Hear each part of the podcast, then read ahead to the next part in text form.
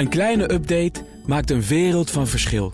Daarom biedt IKEA voor Business Netwerk gratis snelle interieurtips en ideeën. Word gratis lid en laat je werkplek voor je werken. IKEA, een wereld aan ideeën. Wereldveroveraars wordt mede mogelijk gemaakt door Regina Cheli, het Taleninstituut, ook bekend als de Nonnen van Vught. BNR Nieuwsradio. Wereldveroveraars. Jelle Maasbach. Goed dat je er weer bij bent. De zomer is voorbij en wij zijn er weer klaar voor. Het programma waarin we zaken doen zonder grenzen. Waarbij we nog steeds ondernemers volgen op hun avonturen in het buitenland. En we leren van de dingen waar ze tegenaan lopen. We ontdekten daardoor de hele wereld. We gingen van België tot Brazilië en van Vietnam tot Italië. In deze aflevering zijn bij mij Julian Jukema van Anywise en mijn co-host, hij is er weer, Gerald Baal van Transfer.lc, om het te hebben over Het Verenigd Koninkrijk. Het land van King Charles III. Hij zit op de troon in een land van uiterste. Sommige Britten kunnen extreem beleefd zijn, zelfs als ze iemand genadeloos op zijn plek zetten. I just very gently say to the Secretary of State, on a one-to-one basis, I always think he's a very civil fellow. But it is, I'm afraid, discourteous and incompetent. And it must not happen again. En sommige Britten zeggen het gewoon recht in je gezicht. Het liefst na een pint. Of tien. No good at French? No good at fucking French. Who the fuck speaks French? De Britten denken graag terug aan hun gloriedagen. Aan de dagen van het grote Britse Rijk. Of hun heldendaden in de Tweede Wereldoorlog. Maar daardoor vergeten ze soms vooruit te kijken. Niemand heeft een idee wat de lange termijnpositie is van het Verenigd Koninkrijk. Oké, Brexit heeft ook niets geholpen. Maar kijk om je heen. In alle opzichten is dit een land in verval. En ook al doen ze zich dan wat beter voor dan ze zijn, Mr. and Mrs. Richard Bouquet, we have a reservation. Oh, bucket. Pronounced bouquet, dear. toch blijven wij altijd van de Britten houden.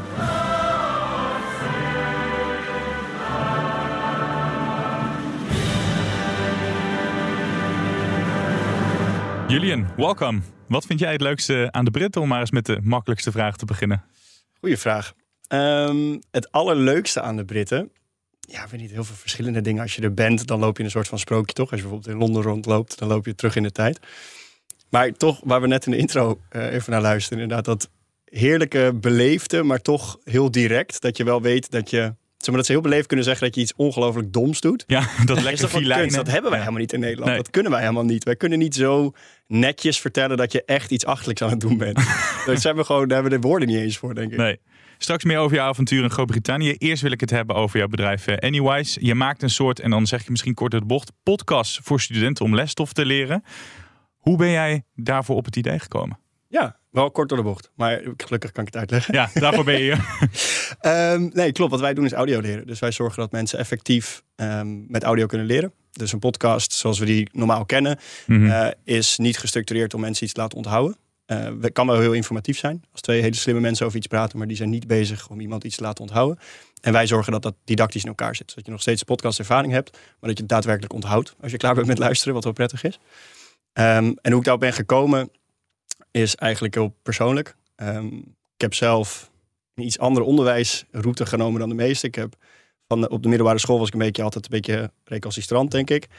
Nou, denk ik kun je weglaten. Maar toen ben ik uiteindelijk van de middelbare school ben ik afgezakt naar het MBO, VMBO, MBO, toen HBO, toen uiteindelijk universiteit. Mhm. En toen ik uiteindelijk op de universiteit kwam na acht jaar eh, studeren, ehm, waar ik heel graag wilde zijn en altijd een beetje vraagtekens had of ik dat zou kunnen, zeg maar, qua niveau, eh, had ik mijn eerste twee tentamens gehaald. Dus ik voelde me eindelijk ja, onderdeel van de slimme groep mensen, zeg maar, van deze wereld. Ehm, en toen werd ik, eh, op een maandagochtend moest ik naar de huisarts toe. En werd er een maandagmiddag gelijk kanker bij mij geconstateerd. En gelijk dinsdag geopereerd in de ochtend. Zo snel. Ja, ja, ja dat moest, zodat het niet eh, verder, ging, verder ging. Mhm. En door chemotherapie en die op, verschillende operaties, eigenlijk een samenklontering daarvan, verloor ik mijn, eh, zeg maar, mijn, mijn capaciteit om goed dingen te kunnen onthouden als ik las. Dus ik kon zeg maar twee zinnen lezen en dan was ik het weer kwijt. Besef hoe frustrerend dat is als je dus net zeg maar, op de universiteit zit. Je wil dat doen en dit is eindelijk zeg maar, dat je erbij kan blijven. En ja, toen voelde ik me gewoon ongelooflijk dom. Want ik las daar bij moeder, of ik lag bij moeder op de bank. Elke keer weer opnieuw die boeken proberen te lezen. En elke keer die zinnetjes weer. En elke keer. Dan keek ik omhoog en dan dacht ik, oh, wat heb ik net gelezen? Geen idee. Je kan echt het geweer tegen mijn hoofd zetten en dan weet ik nog steeds niet. Uh, dus toen, uit heel veel frustratie. Uh, en een aantal boeken die ik tegen de muur heb gegooid, denk ik. Um, ben ik toen een beetje gaan zoeken naar andere manieren wat wel kon werken. Dus video's. En uiteindelijk bij podcasts terechtgekomen, zelf. En dat werkte wel. Dus ik, het werkte niet super goed nog, want mijn brein was best wel een beetje, ja, best wel een tik gehad. Maar veel beter dan die boeken of Alles die video's. dan ja. boeken. Uh, ja, en video's kreeg ik best wel, als ik dat lang keek, best wel koppijn en dat je de hele tijd erachter zat. Mhm. Uh, en met audio kon ik gewoon mijn ogen dicht doen met de podcast en luisteren. En dan had ik, ik deed Europese geschiedenis toen, dus dan luisterde ik iets over, ik de Franse Revolutie. En dan lag ik gewoon met mijn ogen dicht, lekker op de bank. En dan kon ik alles, dan zet ik hem af en toe stil, luister ik, of bedacht ik wat ik had geluisterd. Ging ik weer verder en ik onthield het daadwerkelijk toen. En dan luisterde ik iets drie, vier, vijf keer of zo. Ehm, maar toen kwam ik eigenlijk ook achter dat podcasts, ondanks dat ze me heel erg hielpen, dat ze best wel lang waren. Dus 40 minuten of zo. En niet heel erg gemaakt om echt zeg maar, de luisteraar erbij te houden en, en het leuk te maken. En ook niet echt gestructureerd dat degene die het vertelde echt ervoor wilde zorgen dat ik het onthield. Eh, maar het hielp me wel heel erg. Dus toen dacht ik, als ik dan beter word, Mhm. dan lijkt het me heel vet om dat te proberen te veranderen voor de wereld. Dat je dus kunt vertrouwen op audio als leermiddel. Dus dat je echt die vrijheid kan hebben die ik toen had. Ja. Als oplossing, maar dat je wel echt het goed onthoudt. Dus uit iets heel naars kwam je bedrijfsidee naar voren. Ja. Op dit moment gaat het goed met je? Ja, gaat super. Heel Ja, mooi net om vijf horen. jaar nu helemaal klaar. Dus dat is heel fijn. Wat goed. En toen dacht je op een gegeven moment, ik ga dus eh, ja, eh, audiolessen brengen voor studenten. En waarin verschilt dit met een, met, een, eh, met een online college bijvoorbeeld? Want je hebt het verschil met een podcast uitgelegd. Maar Ja. waar zit een verschil in met de andere dingen? Nou, goede vraag. Ehm, waar ik was op het begin, misschien, ik was best wel sceptisch over hoe goed podcasts konden werken. Zeg maar. Het werkte dus redelijk goed voor me, maar ik dacht, oké, hoe, hoe goed kunnen we dit echt maken? Dus ik ging zelf een beetje onderzoek doen naar hoe nou eh, eh, geheugen werkt. En als je dat mixt met audio en hoe dat werkt met herhalingen of voorbeelden of wat er allemaal in moet zitten om ons dingen te laten onthouden. En ehm, eigenlijk wat je ver, ver- vergelijking met een online college bijvoorbeeld, onze fragmenten zijn altijd maximaal 15 minuten. Eh, daarna is het ongelooflijk moeilijk om mensen hun echt gefocust te houden. Het is al 15 minuten is al lastig. Ja. En daar moet je heel veel dingen al in verwerken om mensen erbij te houden. Een online college is vaak twee uur. Eh, Het is niet gemaakt, het is niet audio first. Dus het is een college wat gegeven wordt met een scherm erachter. Dus het is als, als toevoeging op, eh, op, op, een, op een beeld. Wij zorgen ervoor dat degene echt alleen hoeft te luisteren. Zodat je een rondje kan lopen en echt op kan vertrouwen. Dat je niet nog een keertje eh, drie beelden moet zien om het te snappen. Eh, en ja, ik weet niet, het is voor jou denk ik ook even geleden collegebanken. Voor mij nu inmiddels ook. Ja, maar meer ik dan ben, echt wel ik ben letterlijk wel eens in slaap gevallen. Gewoon omdat het zo lang... Ja. En dat, we, dat is een bredere discussie over het Ik had het heel graag willen hebben, ja. Ja, Ja. ja. dat horen we vaker. Had jij het willen hebben, Gerald? Ja, zeker. Ik, heb, eh, ik heb twee universitaire studies parallel eh, mogen doen. En toen nog steeds geregeld in de kroeg gezeten. Veel gesport, bijbaantjes gehad. Collegejaal niet zo heel veel binnen gezien om mij niet in slaap te hoeven vallen in ieder Toch, geval. toch gehaald, toch gehaald allemaal. Ja, boeken van de kaft, eh, samenvattingen dus met name. Ja. Maar met die tool had ik zelfs de samenvattingen niet hoeven lezen. Dus ik Ja. had hem graag, graag gehad in mijn tijd eh, inderdaad. Ik kocht ook altijd de samenvattingen. Dan kan je nooit meer dan een 7 halen, maar goed. Hè? Als Zeven is genoeg, hè? Het was genoeg. Hey, ehm, eh, ik heb, eh, nou ja, la- laten we gewoon een stukje erbij pakken. Dan, dan krijgen Gerald en ik een beetje een beeld van eh, hoe zo'n eh, les bij jullie klinkt. According to Descartes, the only thing that can be known for certain is that he exists. He is famous for his quote, I think, therefore I am. He came to this conclusion by never accepting anything as true unless it presents itself so clearly in his mind that there is no reason for doubt. With this way of thinking, he also came to the conclusion that people have innate abilities. Heerlijk altijd, hè, dat Brits-Engels. Doen jullie alles in het Engels of zijn er ook wel eens Nederlandse Nou, we hebben net lessen? vanochtend Amerikaans-Engels in zitten. Dus, maar ik heb zelf deze, dat is dus leuk, ik heb het fragment zelf nog nooit gehoord. Dus dat vond ik wel heel leuk. Ik was nu ook aan het luisteren. Ik dacht, wat is dit? Ehm, maar dat is, ja, dat is nu dus Dat- gaaf dat andere jij, mensen hè? content maken. Ja, ik zweer, ja, dat is het leuk dat andere mensen dus content maken. En ik het zelf niet meer, Ja. zeg maar, dat Nee. is wel... We komen van ver, zeg maar, dat, is, dat ik het zelf allemaal schreef nog. Ja. Ehm, maar ja, we doen dus nu eh, Engels en Nederlands, eh, Spaans, Frans. En nu eigenlijk de volgende zijn, of Duits zit er net in, Portugees, Hindi. Ehm, en dan vergeet ik er eentje. Pools. Veel. Ik kijk even naar mijn co-host. Goede taal om daarop in te zetten. Zeker, wereldwijd wordt veel gesproken. Ja. Dus dat alleen al lijkt me een goeie. Waarom denk je dat wij, ja, ik weet het voor mezelf wel, maar dat wij liever naar Britten luisteren dan naar Amerikanen? Ja, ik denk dat ik hetzelfde denk uh, als jij. nou, Amerikanen hebben voor ons vaak twee gezichten. Enerzijds zijn ze heel inspirerend, vernieuwend, uh, sportminded. dat is het mooie ervan. Anderzijds zijn ze misschien wat luidruchtig, wat lawaaierig. en de Britten die komen toch wat sophisticated over, liggen gewoon wat dichter bij ons Europeanen natuurlijk. Ja. Dus dat, dat, dat ligt ons wat lekkerder. Wie spreekt het in bij jullie? De AI, dus dat doen we zelf niet. De AI? Ja, ja dit was ook, dit was niet zelf, uh, dit was niet door mensen. Wat je oh, jij zit al helemaal op die AI-hype uh, waar ja. ik elke dag op BNR uh, over hoor. ja, wat wij zijn gaan doen is dat we gewoon, toen we begonnen vroeg iedereen, wat is je AI-component? Wat ga je doen met AI? Toen zei ik, hou, sorry, maar hou je bek, laat ons eerst gewoon een product bouwen wat werkt. Een audiofragment, zodat we weten hoe mensen het moeten onthouden, hoe we het goed maken dat mensen naar willen luisteren, hoe we die componenten allemaal hebben. En dan gaan we AI kijken hoe we het daarmee kunnen versnellen. Uh, voornamelijk het creëerproces en, het, en de luisterervaring. Dus dat zijn we eigenlijk daarna pas gaan doen. Dus eerst gewoon een goed product gebouwd. En toen uh, AI gaan inzetten voor waar het kon. In plaats van een soort van AI over iets sprenkelen. En ja. wat heel veel mensen doen. Maar AI is misschien ook wel een uitkomst. Want het maakt het misschien ook wel makkelijker om al die content. Want ik zit even aan al die uh, boring economieboeken van mij van vroeger te denken. Om die om te zetten naar een ja. Klippenklare audiocursus. Ja, ja, dus wat bijvoorbeeld uh, uitgeverijen nu uh, doen, is dat zij gewoon hun boeken hebben en die knippen en plakken ze in onze tool. En onze tool herschrijft het in ons didactisch format en gelijk ook naar, uh, naar stem toe. Dus dan heb je je boek omgezet binnen, binnen een paar uurtjes. En dan gaan we naar het uh, verdienmodel. Die vind ik altijd interessant. Is het een soort van abonnementsdienst waar je je voor opgeeft? Of hoe halen jullie hier uiteindelijk uh, geld uit? Ja, dat is altijd een million dollar question. Hè? Nee, um, wat wij doen is dat aan de ene kant uitgeverijen betalen gewoon een fee om content te maken en ja. online te hebben. Ja. Uh, en als bijvoorbeeld, we krijgen ook al veel vragen vanuit onderwijs, uh, onderwijsinstellingen zelf. Wat ik zelf heel gaaf vind, want dan kunnen we echt onderwijs bij de kern veranderen. Dus als leraren het zelf willen gebruiken, dan betaalt de universiteit, hogeschool of, of middelbare school gewoon een fee per, per jaar en per maand. En is dat al winstgevend? Nou, vorige, vorige maand bijna. Um, maar ja, we gaan de goede kant op. Ja, ik kan me voorstellen dat je best wel wat investeringen moet doen voordat je uh, daar bent. Ja, ja, we, hebben, ja, we zijn 2,5 jaar bezig. Ik heb het eerste jaar zelf hebben we heel erg, uh, heel erg op, een, uh, op een houtje gebeten. En nu um, om het gewoon het product goed te krijgen en niet te veel gekke dingen te gaan doen. En, maar het gaat nu echt ja, het gaat een goede kant op. Vind je van deze aanpak, uh, Gerald? Want jij hebt natuurlijk veel ondernemers gesproken, ook die een ideaal hebben. Die willen al gelijk binnen twee maanden bij wijze van spreken winst maken. Of al heel snel, dat je het op deze manier stap voor stap opbouwt? Ja, ik denk dat, uh, jullie vertelden straks uh, tegen mij nog dat uh, jullie zijn 2,5 jaar geleden begonnen, geloof ik. Hè? Ja, je kan niet al meteen verwachten dat je na een paar jaar al meteen winst maakt. Hè? Nee. Je moet toch eerst de markt zien te veroveren. En in dit geval is het denk ik wel heel belangrijk. En dan komt het geld vanzelf wel. BNR Nieuwsradio.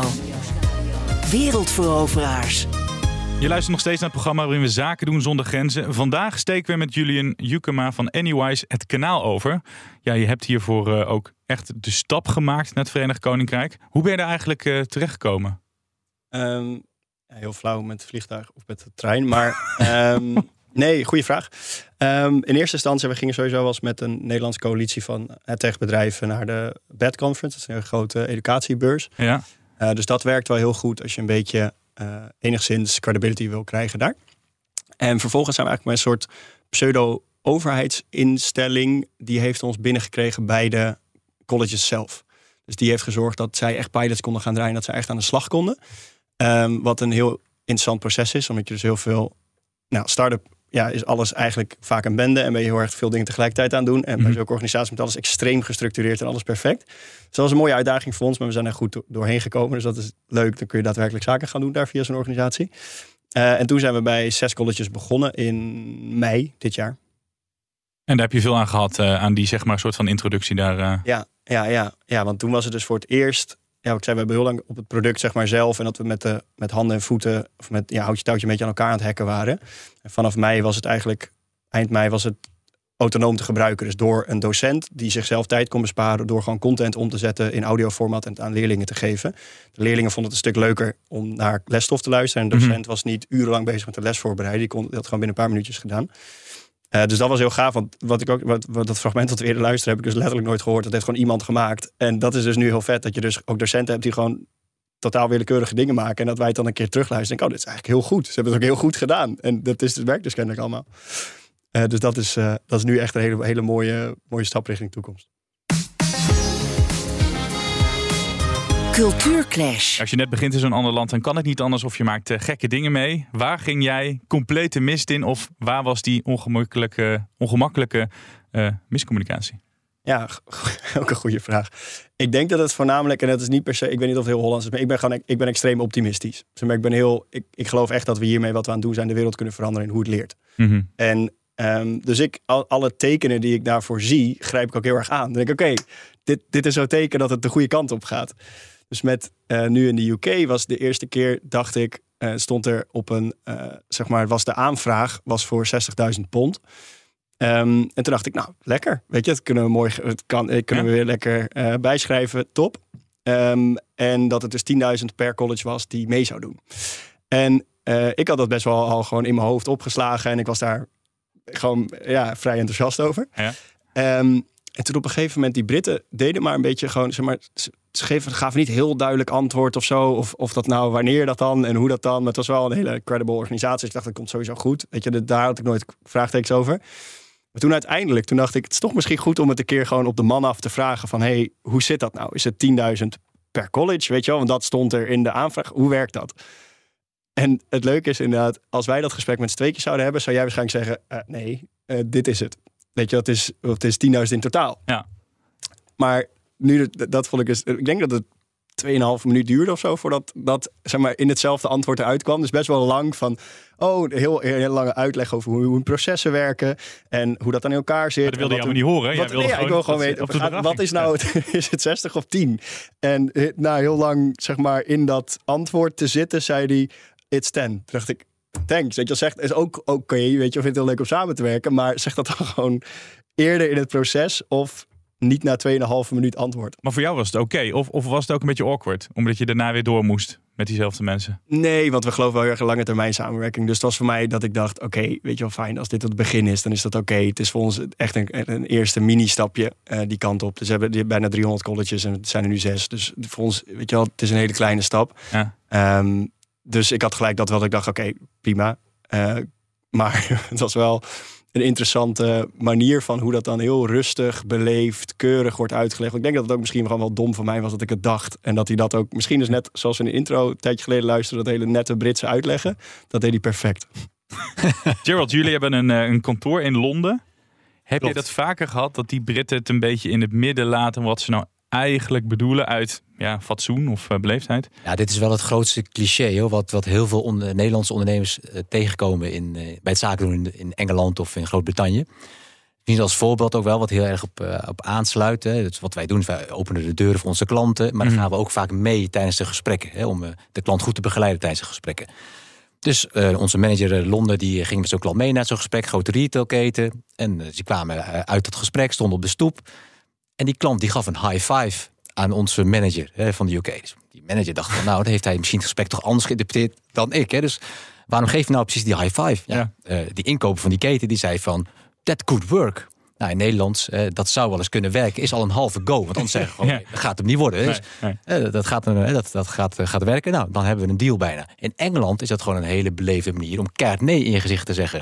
Hè, dus die kreeg eigenlijk een high five omdat het contract Ja, werd afgewezen. Ja.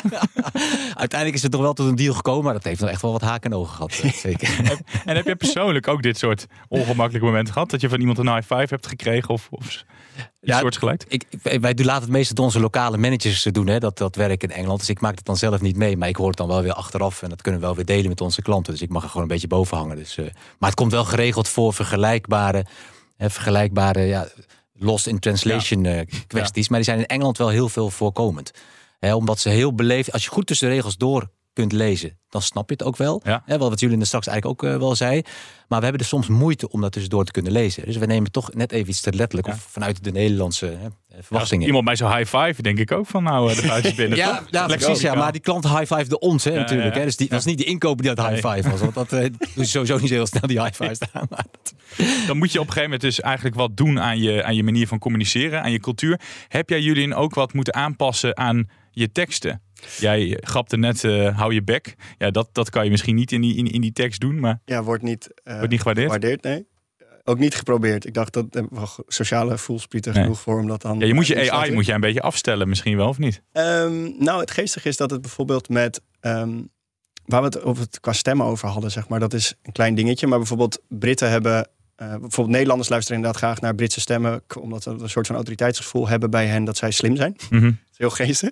Ehm, maar Britten zelf bijvoorbeeld hebben ook... Wij doen altijd binnen onze fragmenten zit een klein stukje motivatie altijd. Omdat het gewoon goed werkt voor jonge mensen. Dat als je naar iets luistert, dat iemand af en toe vertelt dat je het wel kan. Uh, dat is af en toe alleen het enige wat je nodig hebt. Uh, maar ook grapjes. En um, voor bij de Britse uh, kijken we... Zeg maar, de Britten, ik denk dat ze ook bekend zijn juist om een hele leuke, droge humor. Um, maar je kan wat minder dat zat er sowieso niet heel erg in. Maar zeg maar, Nederlanders hebben best wel een soort van fine line met wat echt over de grens gaat qua, qua humor. Wij vinden best wel veel harde dingen vrij uh, grappig. Mm -hmm. En de Brit is dan, zeg maar, als je dat van extern iemand hoort die je niet kent, is dat niet echt een, een go, zeg maar. En terwijl het in Nederlands meer een soort van bonding is, als je een soort van dezelfde harde humor hebt. Uh, dus daar passen we, was we met de Britse content wel veel op af, dat hij goed ingesteld zei, dat hij niet hele gekke grapjes of dingen die gevoelig liggen kan gebruiken. Um, Anders dan maak je niet echt vrienden daar. Nee. Um, ondanks dat het voor de, voor de luisteraar af en toe wel leuk kan zijn. Maar dat risico nemen we niet.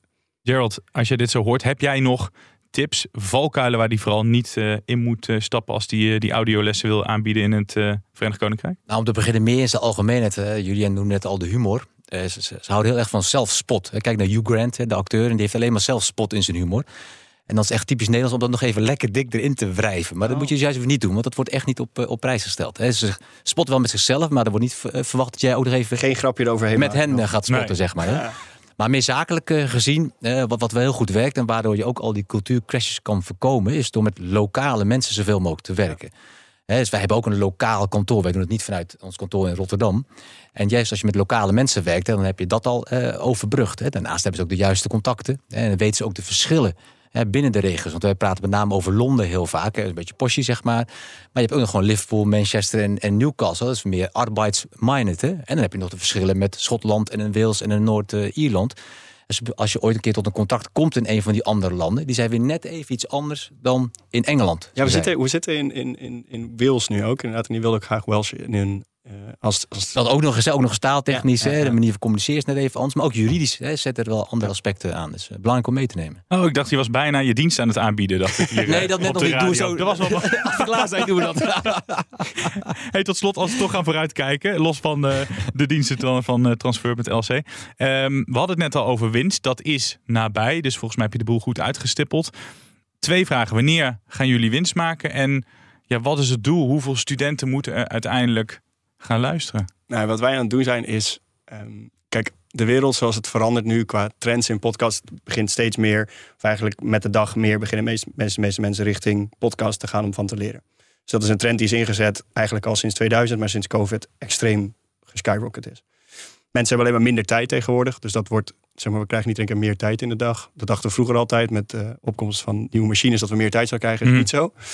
Ehm, dus waar wij heel veel mogelijkheden zien, is een, de het beste zijn in het audio leren van de wereld. Dus een effectieve manier waarop je kunt vertrouwen dat als je luistert, je onthoudt.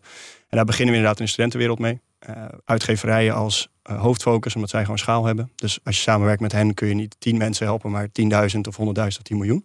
Als je het in hun ecosysteem hebt. Um, Je hebt wel ongeveer een getal in je hoofd, toch? Van hoeveel studenten je uiteindelijk wil voor gebruiken. 2030, 1 januari, wil ik 100 miljoen mensen hebben bereikt en geholpen met Anyways. Dat is veel. Ja, dat is een begin. En vervolgens kunnen we verder. Dan hoop ik dat ik uh, voor die tijd niet in ben gehaald door AI. Maar dan uh, in 2030 uh, zou ik zeggen, kom nog een keer langs. Ja, om ja, het over die 100 miljoen te hebben. Ja. Dit was Wereldveroveraars. Ik hoop dat je van deze radio-uitzending of podcast ook veel geleerd hebt. En anders vragen we aan jullie een, hoe die ja, dit wel duidelijk kan maken. En anders dan kan AI deze uitzending oppoetsen. Ik dank mijn gasten Julian Jukema van Anywise. Mijn co-host en de man waar ik elke keer sowieso veel van leer. Gerald Baal van Transfer.lc. Volgende week dan gaan we naar een voormalige Britse kolonie. Namelijk Ghana. Tot dan. Wereldveroveraars wordt mede mogelijk gemaakt door Regina Cheli. Het Taleninstituut. Ook bekend als de Nonnen van Vught. Als ondernemer hoef je niet te besparen op je werkplek. Want IKEA voor Business Netwerk biedt korting op verschillende IKEA-producten. Word gratis lid en laat je werkplek voor je werken. IKEA, een wereld aan ideeën.